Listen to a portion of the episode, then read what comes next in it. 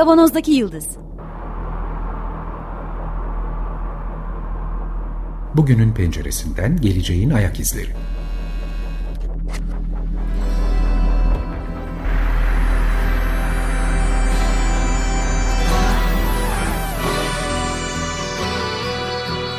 Hazırlayan ve sunanlar İsmail Başöz, Haluk Levent, Mustafa Yılmazer ve Fethiye Ergin.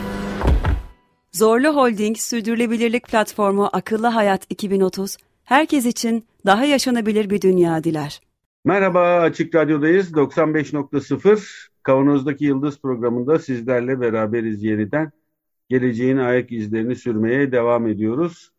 Ben İsmail, e, Haluk'la beraberiz bugün sadece. Merhaba.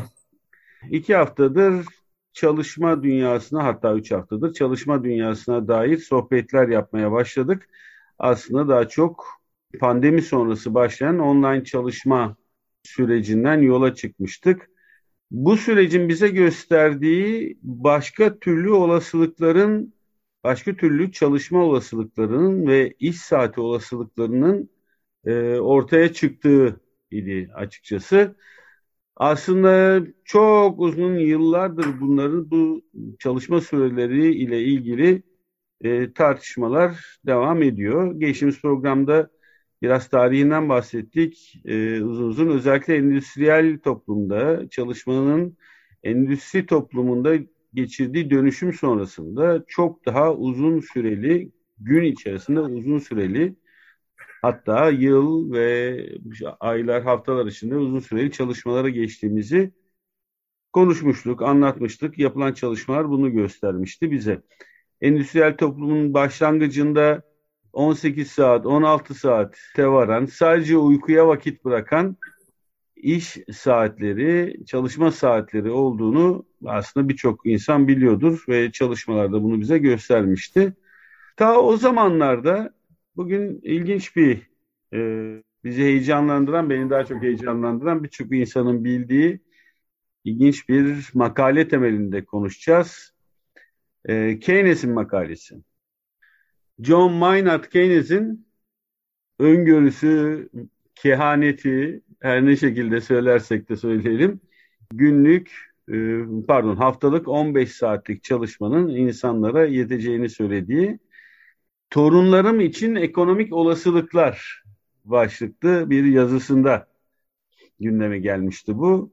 Kendi torunlarının yani sonraki kuşakların o zaman da sürgü devam etmekte olan teknolojik gelişmeleri göz önünde bulundurarak sen, kendisinden sonraki kuşakların haftada 15 saat çalışarak günlük hayatı sürdürebileceklerini kehanetinde öngörüsünde bulunmuştu. 1930 yaklaşık 90 yıl geçmiş, 91 yıl geçmiş. Ee, Valla haftalık 15 saatin yanına yanaşmak şöyle dursun. Hele hele son kaç yıldır, 10-15 yıldır belki de Thatcher'dan beri neoliberal politikaları arttığından beri yanılmıyorsam çalışma saatleri artıyor gibi gözüküyor. Haluk yanlış mıyım? Ee, bir yandan artıyor, bir yandan azalıyor. İş biraz karıştı. Ee, bu teknolojiden ya teknolojinin e, üretim sürecinin dönüştürmesinden ötürü karıştı. Daha da karışacak gibi e, duruyor. Dolayısıyla bir Gordion'un düğümü var. Buna böyle radikal bir kılıç vurmak gerekecek herhalde. Şimdi Keynes'in öngörüsüne dönecek olursak Buradan bir Avusturya işi marşı e, gireyim ben arkadan fon müziği olarak. E, gir gir. Hafiften gelmesinde fayda e, şimdi Keynes 30'larda bunu yapıyor. 30'larda biliyorsun 29 bunalımı var. 29 bunalımından sonra e, çok büyük bir işsizlik de yaşanmış durumdaydı. Bu işsizliğin e, büyük ölçüde teknolojik işsizlik olarak. Yani mesela ne bileyim sessiz en çok verilen örnektir bu yani çok jenerik bir örnektir. Sessiz sinemadan işte sesli sinemaya geçildiğinde teknolojik olarak e, bu sesli sinemanın e, artık sesi yani sesli sinemalarda görülen önde işte sahnenin perdenin önünde çukurda or çalan orkestraya ihtiyaç kalmadı mesela. Dolayısıyla bir sürü müzisyen işsiz kaldılar. Ee, ama benzeri bir pek çok olay oldu gerçekten. Bu arada sessiz sinemayı söyleyelim. Sahnede film akarken canlı olarak müzik yapıldığını yapıldığı zamanları konuşuyoruz. Yani yapılırmış. Ama o o günler o günleri hatırlıyor musun bilmiyorum. Elimizde çekirdekle. Sonra sinemaya ses eklenince müzisyenlerin işsiz kalmasından bahsediyoruz. işsiz kalmasından bahsediyoruz. Bu çok jenerik bir örnek olduğu için e, aklıma geldi benim de. E, ama bir süre sonra tabii bunlar e, başka yerde. Yalçın Küçük de bunu e, kitabında yazmıştı. Onlar zenli olarak çalışmaya başladılar. e, tabii ne, ne tür iş buldular bilmiyorum. Fakat sonra buradan e, şu... Aslında Haluk çok özür dilerim. Burada bu yani espri de olsa yeni şartların yeni iş konumlanmaları getirdiğinin de bir örneği olarak da konuşabiliriz tabii bunu. Doğru bunun teorisi de var zaten. E, Schumpeter yani iktisatta teorisi de var. Schumpeter e, buna yaratıcı yıkım e, kavramıyla yaklaşıyor. Yani iddiası şu teknolojik gelişmeyle birlikte pek çok iş ortadan yok oluyor, kayboluyor ama e, başka alanlarda başka işler ortaya çıkıyor. Dolayısıyla e, bu geçici işsizlik olarak görülüyor. Bu geçici işsizlikle birlikte işte insanlar yeni beceriler, vasıflar kazanıyorlar ve başka işleri yapmaya başlıyorlar. O yüzden e, telaşa mahal yok. Bu teknolojik gelişme böyledir. Hakikaten önce insanları büyük ölçüde karamsar yapar ama sonra nasılsa bunlara e, çalışacak iş bulunur diye yaklaşır. Yani çok vulgarize, e, popülerleştirerek anlatıyorum tabii. E, ama bu ciddi ciddi bir e, şeydir. Üzerinde çok çalışılmış bir iktisadi alandır. Yaratıcı yıkım kavramı etrafında. Şimdi Keynes bu ne? yaratıcı yıkım kavramı henüz yokken falan teknolojik gelişmeleri görüyor. Bunlardan etkileniyor ve diyor ki bu hızla gidecek olursa bu teknolojik gelişme herhalde e, işte benim torunlarım zamanında bu bu iki kuşak demek yani. İki kuşak sonra 15 saatlik çalışma haftası yetecektir diyor. Çünkü bunun klasiklerin e, hemen ardında olduğu için klasiklerin devamı gibi saymamız gerekir Keynes'i. Onun e, bakış açısıyla işte ücretle verimlilik arasında kuvvetli bir bağ var. Yani insanların ücretleri e, sağlıkları katma değerle bağlantılı gidecektir der iktisat. E, Haluk, Haluk bir, bir sözünü keseceğim. Buraya geçmeden bir sözünü keseceğim. E, torunlarından bahsetmişti ya. E, çok ilerlemeden girmek istedim. 2015'te torunlarıyla yap, yapılan bir söyleşi var. Kardeşin torunları, kendi torunları vesaireyle Keynes'in. Hepsine soruyorlar 15 saat çalışıyor musunuz diye soruyorlar. Hepsinin cevabı ya hani hiç ilgisi yok şeklinde. Hiçbir torunu e canım yani röportaja gerek yok. Birisinin aklına gelmiş gerçekten torunlarını bulmuş. Oturmuş konuşmuş hepsini konuşturmuş. E, hepsini söylediği aynı şey gerçekten. Tabii ki röportaja gerek yok doğru ama e, bir yandan da onların gündeme gelmesi de yani ilginç bir anekdot olmuş tabii. Evet evet çok yılında. ilginç olmuş. İlginç olmuş. Torunlar e, bundan faydalanamıyorlar. Peki şimdi yani bu, bunun Dolayısıyla verimlilikle ücret arasında bir bağ olması lazım. İktisat bunu böyle konuşuyor. E, verimlilik de emek verimliliğinde Keynes'in öngördüğünün çok çok üstünde artışlar oldu.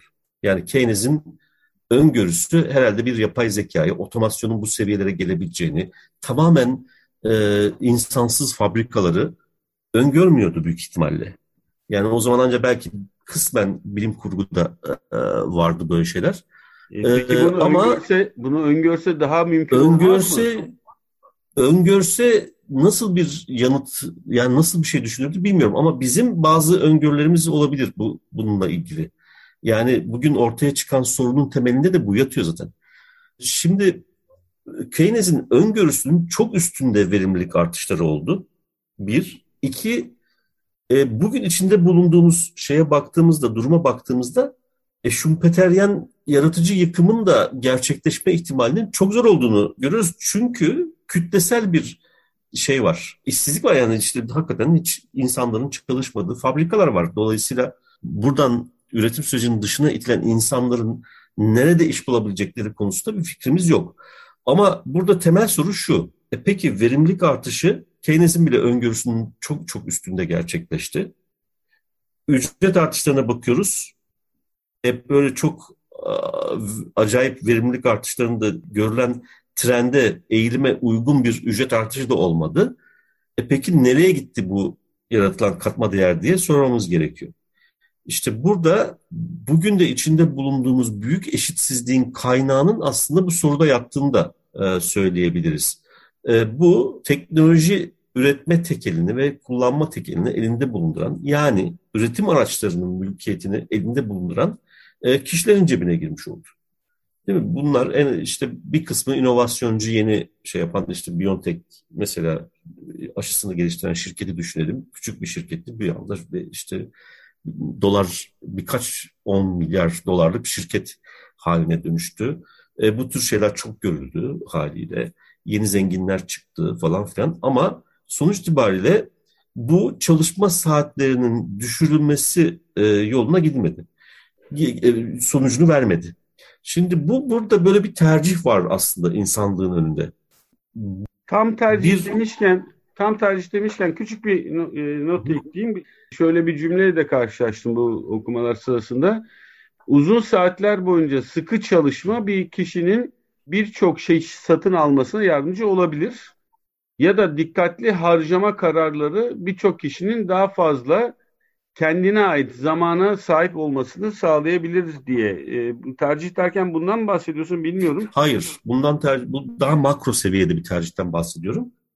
Bu üretim araçları üzerindeki özel mülkiyet ister istemez kar dürtüsünü çok ön plana çıkarttığı için e, şimdi şöyle bir saptama yapabiliriz. Bu emek veriminde görülen e, korkunç artışlar bugünkü refah seviyemizi tutturabilmek için ihtiyaç duyduğumuz mal ve hizmet sepetini küresel olarak düşün. Üretmek için gereken emek saati radikal olarak düşürdü. Gerçekten çok radikal bir düşüş var. Keynes'in bile öngöremeyeceği kadar düşüş var. Yani 15 saat bile komik kalabilir belki de. yani daha, 5 çok daha az çalışarak çok daha az çalışsak aynı refah seviyesini tutturacak mal ve hizmeti üretebiliriz. Bolluktan bahsediyoruz. Bolluğa yaklaştı. Ya bo, evet ben hep söyleyip geliyorum zaten bütün programlarda yeri geldikçe e, bolluk toplumunun e, fiziki altyapısının oluşmuş olduğundan bahsediyoruz. Hı hı. Ancak burada şöyle bir problem var. Peki bu kadar emek talebinde büyük bir düşüş varsa o zaman önümüzde iki yol var. A 40-45 saatlik çalışma gününü haftasını koruruz ve çalışan sayısını azaltırız radikal olarak. B. Eğer B çalışan sayısını koruruz, çalışma saatini azaltırız. Ağzından Şimdi, ağzından bal damlıyor. B. Evet. Üretim araçları üzerindeki özel mülkiyet, dolayısıyla teknolojinin e, özel mülkiyeti devam ediyorsa e, bu ikinciyi zayıf görür. Hele neoliberal saldırıyla birlikte zaten bu ikincisi pek mümkün değildi. Dolayısıyla birincisi gerçekleşti. Yani kütlesel işsizlikler e, söz konusu oldu. Bir şey var yalnız, e, bir nokta daha var. Bu kütlesel işsizlik meselesi gündeme gelince ve teknolojinin e, yine müsait kılmasıyla birlikte tam zamanlı çalışmada azalma gerçekleşti. Bu aynı zamanda güvencesizleşme anlamına geliyordu. Yani iki, iki, iki faktörle karşı karşıya kaldık teknolojinin dönüştürücü etkisi ile özel mülkiyet, üretim araçları üzerindeki özel mülkiyet birleşince. Bir, e, büyük bir işsizlik gerçekleşti ve bu işsizliğin yaratıcı yıkım gibi e, iyimser bir bakış açısıyla değerlendirilmesi zor gözüküyor. Çünkü aşağı yukarı 10-15 yıldır e, küresel ölçekte işte Dünya Bankası, Uluslararası Çalışma Örgütü şu bu aktif iş gücü politikaları falan geliştiler ama hiçbiri bunlar çözüm oluşturmadı. Kendileri de kabul ediyorlar bunu artık.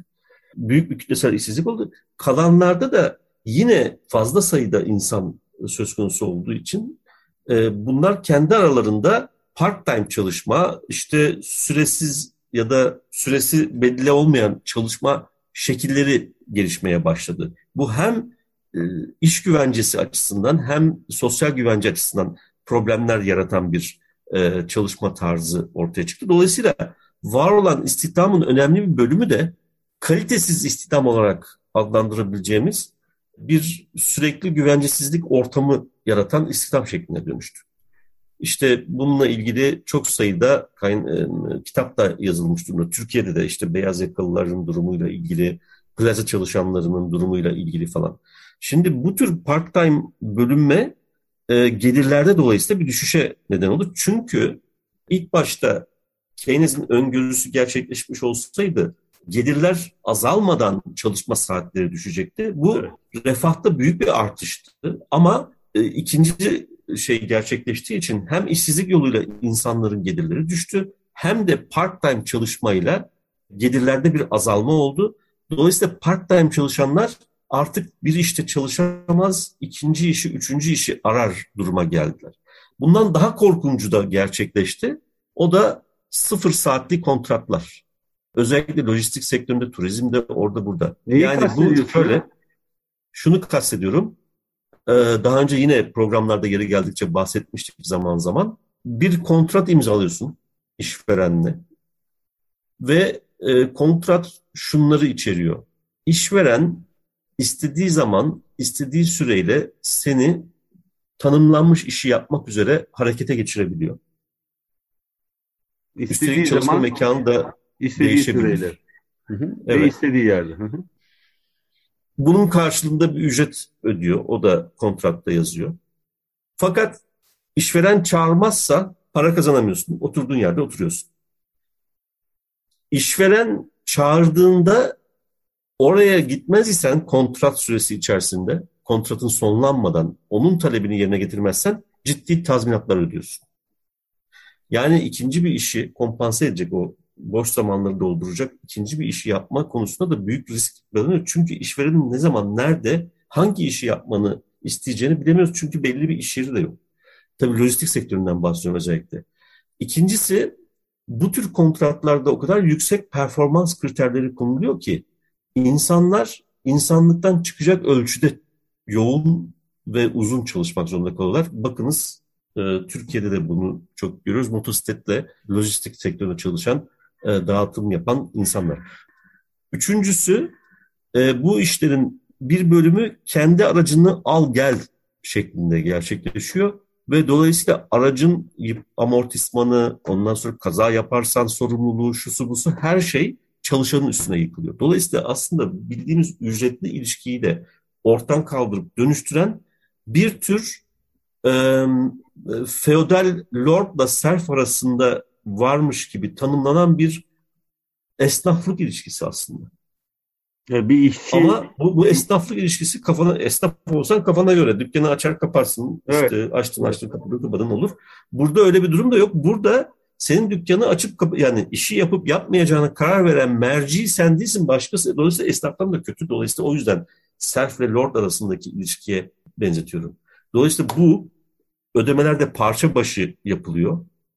Dolayısıyla bu 19. yüzyılda ortaya çıkan e, o vahşi yani 19. yüzyılda kapitalizmin vahşi kapitalizmin görüntüsünün bir benzeri. 20. yüzyıldaki mücadelelerle kanlı ve uzun süren mücadelelerle elde edilmiş bütün e, çalışanların önemli sosyal haklarının tamamı bu tek, teknolojik dönüşümle birlikte e, gitmiş ve ortadan kalkmış durumda. Çünkü ilk başta işe baktığın zaman o ne güzel evden çalışıyorum falan filan gibi düşünüyoruz ama bunu sadece evden çalışmalarla ilgili bir şey olarak düşünmemek gerekiyor. Tabii, tabii. Bu e, lojistik sektörü, turizm sektörü fiziki çalışmayı da e, içerdiği için dayanılmaz koşullar barındıran bir şey. Dolayısıyla burada inanılmaz çok çalışma ve düşük gelir ve güvencesiz istihdamla karşı karşıya kaldık. Ama bunların hepsinin e, nedeni üretim araçları üzerindeki özel mülkiyet.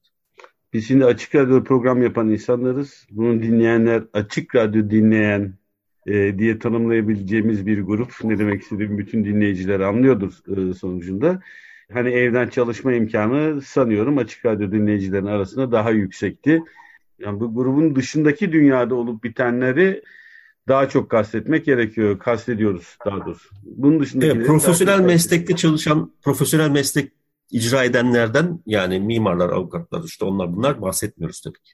Peki ben şimdi sokaktan bir insan olarak soruyorum. Önce ilk sorum şu. Sende bilgi olabilir, e, vardır. E, örgütlü işçi sayısında böyle kabaca ne kadar e, azaldığını dünya çapında bunun bir verileri var mı? Çok. Çok yani Türkiye'yi söyleyeyim sana. Türkiye'de özel sektörde sendikalılık oranı yüzde bir buçuklarda falan. E, Fransa'da yüzde beşin altına düştü. Fransa, Fransa gibi örgüt, en yüksek. Örgütlenmenin şahikasıdır yani orası. Yüzde beşin altına düşmüş durumda. Tamam şimdi. E, kamu desteği olmasa sendikalar büyük ölçüde şey yapacak. Ama şimdi buradan e, bir kötümserlik çıkartmamak gerekiyor. sendikal sendikaların ve işçi sınıfının ve işçi sınıfının siyasi örgütlerinin bu yeni duruma adapte olması lazım ve bu adaptasyon gözüküyor zaten. Şimdi eskiden sayı, çok sayıda insanın çalıştığı büyük fabrikalar vardı ve buralarda örgütlenme temelini buralara oluşturuyordu. Şimdi artık yaşamın bütün alanı, mahalleler, oralar, buralar, her evler, evden çalışıyoruz dolayısıyla evler e, bir örgütlenme alanı haline dönüştüler. İki, artık iş oldukça çalışmaya başladık. Dolayısıyla işsizler, iş buldukça çalışanlar, düzenli çalışanlar, yani işçi sınıfının o standart klasik tanımı, kaslı işte mavi yakalı tanımı değişti. Artık e, sınıf olarak kitlenin çok genişlediğini, çok büyüdüğünü düşünmemiz gerekiyor. Dolayısıyla bunu e, dikkate alan yeni bir örgütlenme modeli ve yeni bir e, üzerine basabileceğimiz zemin tanımlanması e, gerekir. E, o yüzden bunu çok olumsuz bir gelişme gibi de e, görmek lazım. Elbette eskisine göre daha zor. İnsanlar bir arada değiller ama daha kalıcı hale dönüştürülebilir. Çünkü mahallelerde şurada burada insanların doğal olarak daha uzun sürelerle ve sadece çalışma ortamı değil, çalışma dışı hayatı da paylaştıkları alanlarda örgütlenmek gibi bir avantaj ortaya çıkacak. Deminki söylediklerime şunu eklemek istiyorum. Hani sokaktaki insan olarak biz kahvede okey oynarken şöyle konuşuyoruz. Tabii bunca insanı işsiz bıraktıktan sonra diğer insanlarla pazarlık gücünü, sohbetin, senin sohbetin başlarında söylediğin şeylerden de vurmak istiyorum diğer işçilerle ya da sadece işçi işte emeğini harcayan mavi yaka, beyaz yaka, evinden çalışan prekarya vesaire işverenin pazarlık gücü çok daha fazla artmış durumda. İşverenin lehine anormal bir şekilde yükselmiş durumda. Sen demin söyledin istihdamın kalitesinin düşmesi de gündeme geliyor ve hiç kimsenin pazarlık yapabilme e, gücü gerçekten emeğinin e, karşını ya da insanca yaşam haklarını alabilme pazarını yapabilme gücü kalmıyor. Daha geçen gün tanık olduğum iş yeri hekimlerinin aldığı maaşı iş yeri sahiplerinin nasıl örgütlenip de düşürdüklerini ya da daha yüksek maaş engel, almasını engellediklerine dair e, anormal övünerek de anlatılan bir e, küçük hikayeye rastladım açıkçası. Yani e, bu durumda bizim işte dedim ya sokakta konuşurken e, bu kadar işsiz bırakınca pazarlık gücü de vermezsen çok daha fazla çalışıp çok daha az ücreti almasıyla ilgili. Aslında temelde burada az ücret alması gibi gözükmüyor mu? Yani ya tabii. evine bir şey götürmek zorunda çünkü insan. Yani e, tabii. O, o çok ciddi bir problem zaten. Ee, bu e, kapitalizmin taşıyabileceği bir problem de şey değil. Sorunda değil aslında. Yani kapitalizm bunu taşıyamaz. Çünkü sonuç itibariyle Satamaz. o teorik uç noktaya, teorik uç noktaya çok yaklaştık. Çünkü bu gelirler tayınlanınca, teknik tayinler yani ortadan kalkınca, e, o zaman talep tarafında bu insanlar faaliyette bulunamaz hale geliyorlar. E, gelirin yoksa çünkü talep edemiyorsun. Dolayısıyla e, burada artık farklı çözümler bulmak. Tabii ki radikal olan e, şey, üretim araçları üzerindeki özel mülkiyeti ortadan kaldıracak girişimler aslında kalıcı çözüm burada yatıyor. Ama bunun öncesinde de bir takım reform niteliğinde şeyler yapılabilir. Mesela temel gelir, temel yurttaşlık gelir, temel insani gelir, evrensel temel gelir neyse farklı farklı isimler. Bu, bunun böyle birdenbire bu kadar çok e, konuşuluyor olması, Dünya Bankası'nda şurada burada falan da muteber bir politika olarak hiç olmazsa üzerinde konuşulabilecek bir politika olarak görülmesi boşuna değil. Çünkü bu sistemin e, devamı için önemli bir araç aynı zamanda. Fakat bir yandan da işte e, sözünü ettiğimiz o pazarlık aşamasında yani ücret pazarlığı aşamasındaki dezavantajı ortadan kaldırabilecek bir şey. Yani eğer bir temel gelir e, ödemesi gerçekleştirebilirse toplumsal düzeyde o zaman zaten bir minimum gelir oluşuyor. O minimum gelirin üzerine e, katlanılacak zahmetin karşılığı ücret olarak talep edileceği için o zaman zaten e, ücret pazarlıkları da e, yukarı çıkacaktır elbet. Yani şey çalışanlar lehine bir avantaj oluşturacaktır. Ama bu elde edilen teknolojiden ve emek verimliliğindeki artıştan ötürü elde edilen katma değere oranlanacak olursa yine çok komik kalıyor. Şimdi burada başka bir problem daha var. O da bilimle teknoloji arasındaki ilişkiye bakmamız lazım. Bütün teknolojik gelişmelerin temelinde bilim bilimsel gelişmeler yatıyor ve bu bilimsel gelişmelerin kamu fonlarıyla gerçekleştirildiği de bilinen bir şey. E bu kamu fonları yani bizim vergilerimizden şuradan buradan falan elde edilen fonlarda bunu destekliyoruz. Sonra birileri çıkıyor bunu copyright e, altında alıyor bir teknolojik gelişme haline dönüştürüyor. Neyi? Bilimsel bilgideki gelişmeleri. Bunun için buraya bir ödeme yapılıyor mu? Hayır. E bir katkı var mı? Hayır. Bu copyright oluşturulduktan sonra da para basmaya başlıyor burası. Yani buradaki teknolojik gelişmenin temelinde yatan bilimsel gelişmelere herhangi bir transfer ya da herhangi bir ödeme gerçekleştirilmiyor. Dolayısıyla bu da başlı başına ciddi bir meşruiyet problemi. Bu meşruiyet problemi varken copyright'ı, üretim araçları üzerindeki özel mülkiyeti ve teknolojinin gasp edilmesini savunmak kolay değil gerçekten. Dolayısıyla bir süre sonra yakın bir zaman içerisinde bunların da çok yakıcı bir şekilde gündeme geleceğini de öngörmemiz gerekiyor. Çünkü hep söylüyoruz teknoloji nötr ama teknolojinin üzerine kurulan toplumsal örgütlenme işin rengini belirliyor. Asıl asıl mesele bu. Bunu evet. değiştirmemiz bu, lazım. Her seferinde söyledik, her seferinde söylemeye devam edeceğiz. Evet. Şimdi bu 15 saat, haftalık 15 saatlik çalışma kehanetinin şu ana kadar neden gerçekleşmediğine dair fikirlerimizi paylaştık. Ama artık dünyada birçok yerde daha kısa süreli çalışmanın mümkünlüğü üzerine çok büyük araştırma yapıldığını biliyoruz. Belli ki bundan 80-90 sene öncesine göre çok daha fazla insanın problemi durumunda bu. Bu çalışmalardan önümüzdeki haftalarda bahsedelim biraz. Ee, geleceğin ayak izlerinde çalışma hayatının geleceği üzerine konuşmaya başladık. Bu haftalık programımız bu kadar. Ee, bu programın size ulaşmasını sağlayan bütün Açık Radyo çalışan arkadaşlarımıza çok teşekkür ediyoruz. Program destekçimize yine çok teşekkür ediyoruz. Önümüzdeki hafta görüşmek üzere. Sağlıkla kalın. Hoşçakalın.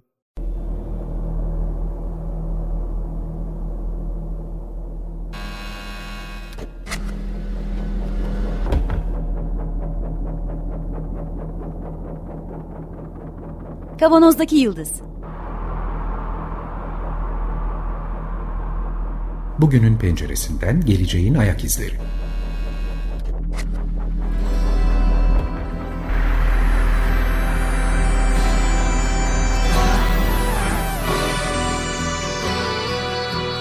Hazırlayan ve sunanlar İsmail Başöz, Haluk Levent, Mustafa Yılmazer ve Fethiye Erbil. Zorlu Holding Sürdürülebilirlik Platformu Akıllı Hayat 2030 sundu.